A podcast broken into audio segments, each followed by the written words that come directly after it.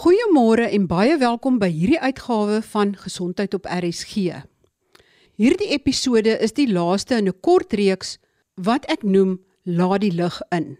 En dit handel oor depressie, angstigheid en selfdood en dat die lewe eintlik die moeite werd is om te lewe. Ek bring 'n paar baie kliniese, feitelike, wetenskaplike inligting na jou.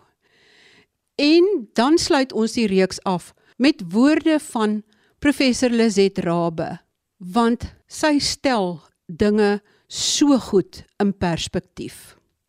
Hier is enkele feite. Ongeveer 24 mense sterf per dag in Suid-Afrika aan selfdood. Dit is byna 9000 mense per jaar. Die persentasie mense in Suid-Afrika wat weens selfdood sterf, is ongeveer 3 maal meer as die wêreldgemiddelde. So wat 80% van mense wat dink aan selfdood, kan jy wel keer en is agterna baie dankbaar dat hulle nie daarin kon slaag om hulle eie lewe te neem nie. Een van die grootste probleme in Suid-Afrika is dat die mense wat selfdood gedagtes gehad het of reeds selfdood pogings aangewend het, nie goed genoeg opgevolg word nie, nie in die private sektor nie en allermins in die staatssektor. Dit is volgens inligting wat deur die Suid-Afrikaanse Vereniging van Psigiaters aan my verskaf is. Een van die probleme is dat die voorgeskrewe minimum voordele inderdaad wel betaal vir 'n noodgeval waar iemand sy lewe probeer neem, maar nie so seer vir die langtermynbehandeling nie. Voorts is dit so dat familie en vriende wil graag glo dat as 'n eerste poging tot selfdood misluk, dat die persoon eintlik oukei okay is. En dit is nie waar nie. Elkeen wat aan depressie en angstigheid ly, al is dit ligte depressie, het behandeling nodig. Het sy sielkundige behandeling plus medikasie of net medikasie of net sielkundige behandeling, maar behandeling is nodig. Kan 'n mens voorspel wie dalk sy eie lewe gaan neem? Dit is nie so maklik nie. Maar daar is wel hoë risikogevalle as iemand praat van selfdood. As iemand dinge begin regkry, byvoorbeeld pille begin versamel, messe begin regkry, toue ensovoorts, wat hom in staat gaan stel om sy eie lewe te neem, dan moet dit baie ernstig opgeneem word. As daar vorige pogings was tot selfdood, as 'n naby familielid of vriend aan selfdood gesterf het, Ander hoë risikogevalle sluit in wanneer iemand begin met medikasie. Hoewel die medikasie se dosis stadig verhoog word om neeweffekte te verminder, want daar kan hoofpyn of naait of so wees en die neeweffekte verdwyn gewoonlik na 2 weke. Begin die persoon wel stadig aan beter voel. En juis as hy dan meer energie het, maar nog nie heeltemal uit sy depressie is nie, is daar 'n hoër kans dat die persoon sy eie lewe kan neem as hy voorheen van selfdood gepraat het. Dit is ook die rede hoekom psigiaters dikwels mense wat met hulle medikasie begin vir die eerste 2 weke hospitaliseer. Ander belangrike feite sluit die volgende in. Iemand wat bipolêr is of aan major depressie ly of aan angs ly, moet besef dis 'n kroniese siekte en dit moet vir minstens 2 jaar behandel word. Wat gebeur in die brein van iemand wat aan major depressie ly, kan as volg opgesom word.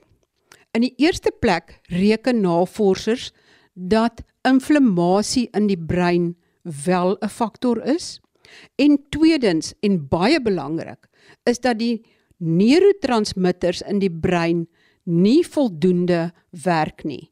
Soos wat insulien vir iemand wat diabetes het nie voldoende werk nie, werk die neurotransmitters in die brein nie voldoende nie en moet daar medikasie gegee word om hierdie neurotransmitters se beskikbare hoeveelheid te verhoog. En die spesifieke neurotransmitters is serotonien, noradrenalien en dopamien. En dit hang af wat die presiese simptome is, watter medikasie voorgeskryf gaan word. Selfmedikasie met alkohol, cannabis, kokain, tik is alles dinge wat in ons samelewing gebeur. Hierdie medikasie kan eintlik die breinprosesse verder beskadig en dit kan ook die risiko vir selfdood verhoog. Hoe effektief is die behandeling met medikasie? Sowat 70% van mense reageer baie goed op medikasie, soms binne 2 weke, soms vat dit tot 6 maande om beter te word, maar 90% van pasiënte word binne die eerste 2 jaar na medikasie begin is beter. Mens moet weet wanneer dit nodig is om na 'n spesialis te gaan. As jou simptome vir 2 weke of langer aanhou, en dit jou funksionering beïnvloed, moet jy by jou algemene praktisyn uitkom of hy sal jou selfs verwys na 'n psigiater. Dit is belangrik om te besef dat selfs ligte major depressie behandel moet word.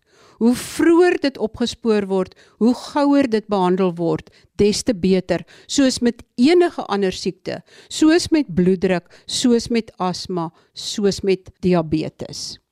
Die 9 kriteria waarna gekyk word, is as jou gemoed vir langer as 2 weke net eenvoudig af is, as niks meer vir jou lekker is nie, as daar fluktuasie in jou gewig en in jou slaappatrone is, as jy onderaktief of traag raak, as jou denke traag raak en jy niks werd voel en aan selfdood dink, moet jy iemand gaan sien. Dokters gaan besluit watter van die byna 30 verskillende antidepressante of middels wat beskikbaar is om die siektes te behandel vir jou voorgeskryf gaan word op grond van die volgende simptome. As jou serotonien vlakke baie laag is, gaan jy baie keer dink aan selfdood, jy gaan skuldig voel, jy gaan onwaardig voel en jou slaappatrone en jou gewig gaan fluktueer. As jou noradrenalien vlakke laag is, gaan jy angstig wees, jy gaan pyn voel, baie hoofpyn hê, jou denke gaan traag wees, jou bewegings gaan traag wees, jy gaan eerder net op die bank of op jou bed wil lê. As jou dopamien vlakke laag is, gaan jy nie meer lus wees vir die lewe nie. Jou genietinge gaan verlaag wees. Dinge wat voorheen vir jou lekker was om te doen, hou jy nie meer van nie. En natuurlik kan jou serotonien en jou noradrenalien en jou dopamien vlakke laag wees. Dit is dan die kliniese feite. Gaan kyk op die webwerf www.rsg.co.za. Al hierdie inligting is daar uiteengesit as ook die kontaknommers van SADAG en op enige ander plek waar jy hulp wil soek en meer inligting wil kry. Ek gesels nou met professor Lizet Rabbe, emeritus professor aan die Universiteit van Stellenbosch se journalistiek departement. En sy vertel oor die menslike en persoonlike aspekte van depressie en selfdood. Professor Rabbe, wat se insigte het hierdie verskriklike ondervinding waardeur jy gegaan het vir jou gebring?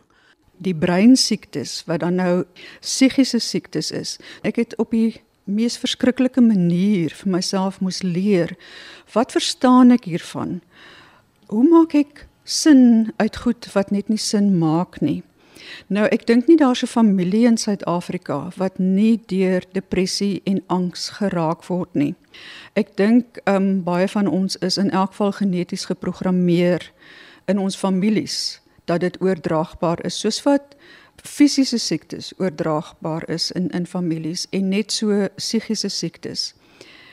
Wat het ek geleer dat 'n psigiese siekte net so klinies biologies is soos fisiese siektes en dat ons ons samelewing moet opvoed en inlig om betyds simptome te herken en dan belangrik om aan jouself te erken ek het hulp nodig.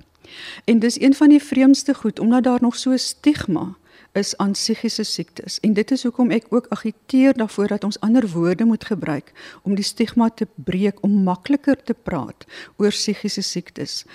Almal van ons kan 'n bydrae maak en met mekaar praat oor psigiese siektes. Wat is die algemene simptome van die mees algemene psigiese siektes wat depressie en angs is? En hoe kan ek dit in myself herken of in my skoolmaat of my studentemaat of my niggie of my neef of my kind of my pa of my ma want niemand is verskans teen hierdie siekte nie soos wat niemand teen ander siektes verskans is nie. So dit het niks met jou goedheid te doen of jou gees nie. As dit maar kon. So ek het ongelooflik baie boeke gelees om te probeer verstaan want as joernalis wil ek ook verstaan wat rondom my aangaan. Ek wil sin maak en ek wil met sinne sin maak wat rondom my aangaan. En as mens dink dat die finale stadium van 'n fatale depressie is die dood. En dit is ook hoe ons daaroor moet dink dat dit ook die finale stadium soos van 'n ander soort siekte is die dood. En dat 'n fatale depressie as hy vroeër herken word en jy aan jouself erken dat jy hulp nodig het, jou van daai fatale stadium kan red. Want ons moet ook besef dis die mees irrasionele daad wat 'n mens oor jouself kan bring, want daar is niks logies in om jouself te vernietig nie. Ons oerinstink is om te oorleef. Dit is hoekom ons vandag in die 21ste eeu nog hier is. Ons ons oorleef. Ons het deur millennia oorleef op verskillende maniere en ons het uit die kake van die sabeltandtier ontsnap omdat ons oerinstink is om te oorleef. En hier raadloop jy reguit in die kake van die sabeltandtier in. So irrasioneel op sy uiterste. En dit is hoekom ons mekaar moet sê, herken die simptome gaan kry hulp. As jy die simptome herken van 'n fisiese siekte, dan gaan jy nie wag en dink dit gaan beter raak nie. So as jy vir 2 weke lank die tipiese simptome van 'n psigiese siekte, van 'n depressie ervaar, gaan na jou huisdokter toe, want die persoon sal vir jou kan verwys na of 'n sielkundige of dalk selfs reeds 'n psigiater, met ander woorde 'n mediese dokter wat psigiatrie opleiding het wat vir jou medikasie kan voorskryf indien die huisdokter dit nie self wil of kan doen nie.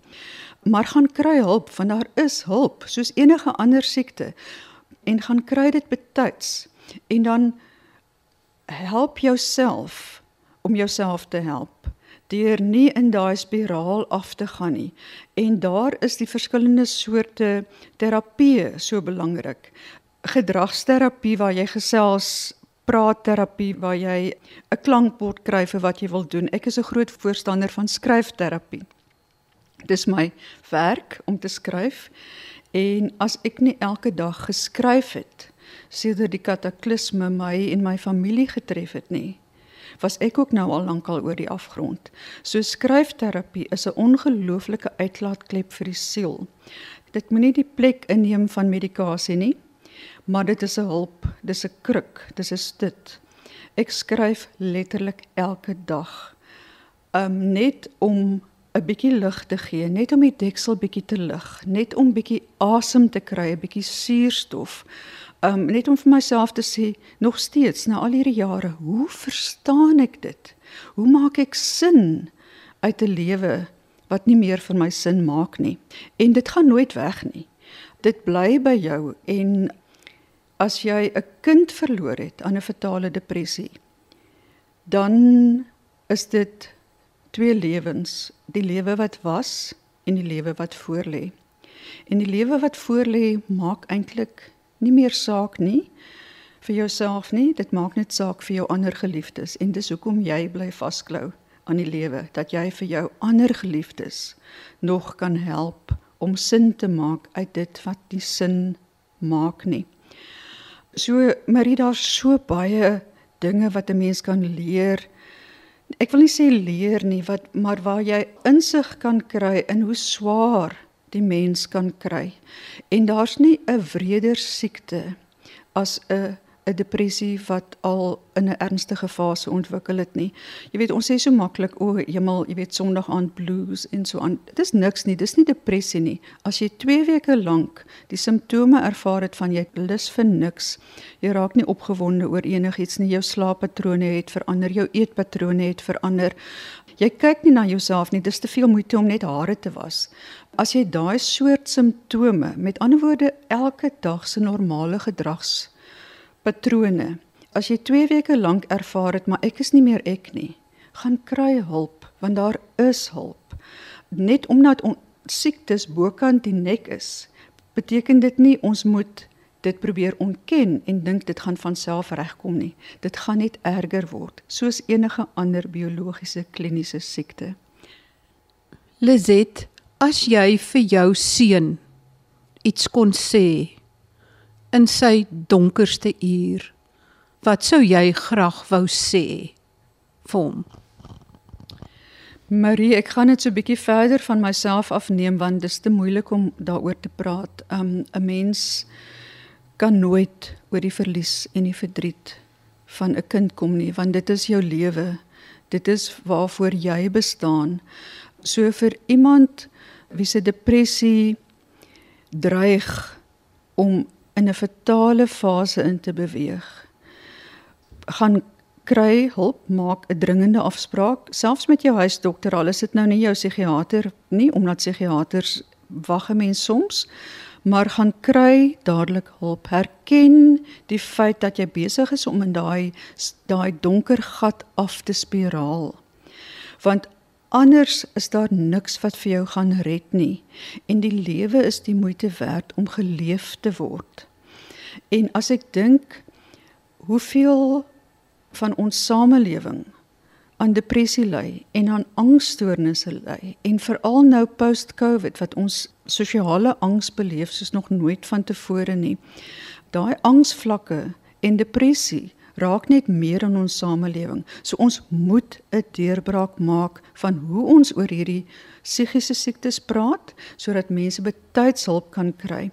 En as ek dan nou dit kan waag om op heilige grond 'n tree te gee en te sê wat kan ek sê vir iemand wat besig is om in daai totale irrasionele spiraal in daai diep donker put in te gaan is kry jouself dat jy kan sien die son kom elke dag weer op en selfs as dit 'n bewolkte dag is moet jy weet daar is 'n son agter die wolke daar's altyd lewe daar's altyd lig jy moet net vir jouself die geleentheid gee om dit te kan sien en daarna te kan ryk en dit is ook hoekom ek en my man en ander mense wat hulle kinders verloor het, die Itemba stigting gestig het. Want dit is wat ons boodskap is, is hou vas aan hoop. En dit is ook hoekom die kleur van die stigting en ons bewusmakingsstrukkie vir spesifiek depressie en angs blou is, hemelsblou vir hoop. Want dit is die kleur van optimisme van dat daar 'n toekoms is wat geleef kan word. En dit is ook die Temba Stichting se een doel om bewusmaking te kweek, om openbare opvoeding op te hef sodat al ons gemeenskappe, ook ons susters en broers in townships wat nie die geleentheid het om eers na 'n psigiater toe te gaan nie, te kan besef dis 'n siekte soos enige ander siekte en ek moet kyk of ek kan hulp kry, mediese hulp iewers want daar is hulp en daar is hoop. Lizet, het jy enige woorde vir 'n ander ma of pa wat 'n kind so verloor het? As ons kyk na die statistieke in Suid-Afrika, dan is daar ongeveer 23 mense elke dag wat aan selfdood sterf. En die waarskynlikheid is dat meer as 90% van hulle as gevolg van 'n fatale depressie gesterf het. So daar's baie meer van ons as wat ons dink. En natuurlik is almal van ons nie iemand wat 'n kind verloor het nie, maar wat 'n man verloor het of 'n vrou verloor het of 'n lewensmaat verloor het of 'n pa of 'n ma of 'n niggie of 'n neef. Dis verskillende soorte verlies. Vir ouers wat 'n kind verloor het, is daai verlies net so vernietigend dat jy nie weet waar begin jy nie. Jy weet jy sit in hierdie 'n pynhoop van 'n lewe. Alles wat jy gehad het, het in duisend skerwe gespat. En daai pynhoop moet eintlik met 'n lang y gespel word, pynhoop, want dit is waar jy jouself bevind. 'n Lewe wat jy gehad het wat jy nooit weer kan terugkry nie. En waar begin jy? Kort na ons kind se dood was daar 'n ongelooflik verwoestende aardbewing in Hawaii. En ek het daai beelde op televisie so gekyk en ek het die die vroue het vir my so geraak. Hulle het so gesit in daai pynhope. En hulle het 'n baksteen opgetel en hom gekyk en wat kan ek met jou maak? Kan ek jou weer gebruik om 'n huis te gaan bou? Die huis wat ek nie meer het nie. En dit was presies dieselfde met ons, die huis wat ons nie meer het nie. En watter van hierdie skerwe rondom ons kan ons gebruik om net enigsins sin te maak uit 'n lewe wat nooit weer geleef kan word nie. Uit 'n lewensarmoede wat ons almal gaan hê omdat ons nie meer ons geliefde kind en ons geliefde broer by ons het nie wat self so graag 'n verskil in die wêreld wou gemaak het en hier het hy gesterf aan die mense wreedste siekte hoe gaan ons voort? En dit is waar jy dan nou elke dag moet probeer regop kom. Uit 'n horisontale posisie, minstens net vertikaal om die dag in die oë te kyk. So as jy sê wat is my boodskap, dan is dit tree vir tree en stap vir stap. En kyk watter klein bietjie goed jy in die wêreld kan doen. Want dit is my ervaring as jy vir iemand anders 'n klein klein goeie daad doen, dan laat dit nie vir jou beter voel nie want niks gaan jou ooit weer laat beter voel nie. Maar dit bring tog 'n klein bietjie sin vir jou om te sien jy het iemand verras. Ek het in die begin gereeld vir ons vierbenige huismaat se veeartse melktert en kolwyntjies is 'n mooi woord vir cupcakes geneem. En die vreugde elke keer as jy met 'n verrassing daar instap kort voor teetyd was wat vir my nou weer laat kans sien het om verder van 10uur af in die oggend met die dag aan te gaan nadat ek nou al vroegoggend moes uitkom. En baie keer moet jy jouself maar net oorgee aan verdriet. Um, ons is mense en ons hoef nie dapper te wees nie en ek is nie dapper nie. Um, ek het altyd gesê dis net my klere wat my regop hou. Maar probeer maar vertikaal bly en stap vir stap en tree vir tree en daai goeie goeie klein daadjie. En dit hoef nie geld te kos nie. Dit kan net uh, iets wees wat jy vir iemand doen. En ek dink dit bring in 'n op 'n manier tog 'n klein bietjie sin vir jou en jy doen dit in die naam van jou geliefde wat jy verloor het. Dit is hoekom ons die Itemba stigting gestig het. Ons het dit vir ons in ons geval ons was ouers wat 'n kind aan 'n fatale depressie verloor het. Ons het dit vir ons kinders gedoen. Ons kan dit net sowel die Fritz stigting of die Ember stigting of die Hannes stigting of die Sunay stigting genoem het, want dit is wat dit vir ons beteken. 'n stigting in die naam van ons kinders om goed te doen, om hoop te bring, om vir mense daai deurbraak te gee. Mense net omdat dit bokant ons nekke is, beteken dit nie ons moet anders daaroor dink en anders daaroor praat en anders daaroor handel nie. Ons moet dit hanteer soos 'n normale biologiese siekte. En daai woord van humaniseer en normaliseer. Humaniseer klink na 'n vreeslike woord, maar ons moet dit vermenslik. Ons moet dit 'n mens siekte maak soos al die ander siekte en ons moet dit normaliseer soos al die ander siektes. En jy sal weet as as joernalis in ons tyd toe ons jong joernaliste was, was selfs die groot K kanker het ons nie oor gepraat nie en nie oor geskryf nie as iemand 'n bekende minister se vrou of wat ook al aan kanker dood is, het ons geskryf sy's aan 'n ongeneeslike siekte oorlede. Ons het nie eers daai woord gebruik nie. En toe begin ons kanker normaliseer en humaniseer en kyk net watter bewusmaking het ons oor kanker, kankersimptome, die verskillende soorte kanker, kinderkanker danksy daai bewusmakingsaksies en dis dieselfde met psigiese siektes want daar's nog so baie navorsing wat gedoen moet word kinderdepressies byvoorbeeld ons weet nog nie naasby genoeg van die soort depressies wat kinders tref nie Daar's nog so baie navorsing ook adolessente depressies. Um depressie op 'n ouer ouderdom. En dit is die ander doelwit van Itemba buitenbewusmaking is is om navorsing te ondersteun want een syfer sê navorsing oor psigiese siektes is omtrent 100 jaar agter navorsing oor fisiese siektes. En ons moet dit ook aanspreek van 'n sielkundige kant, met ander woorde sosiale wetenskappe kant en van 'n mediese wetenskappe kant van 'n psigiatriese kant. Baie dankie aan al my gaste in hierdie kort reeks. Laat die lig in sodat depressie vroeg en effektief behandel kan word en nie tot die tragiek van selfdood lei nie. Kry hulp. Die lewe is die moeite werd om te lewe. Tot volgende week wanneer ek gesels oor leweroorplantings. Baie groete van my, Marie Hudson.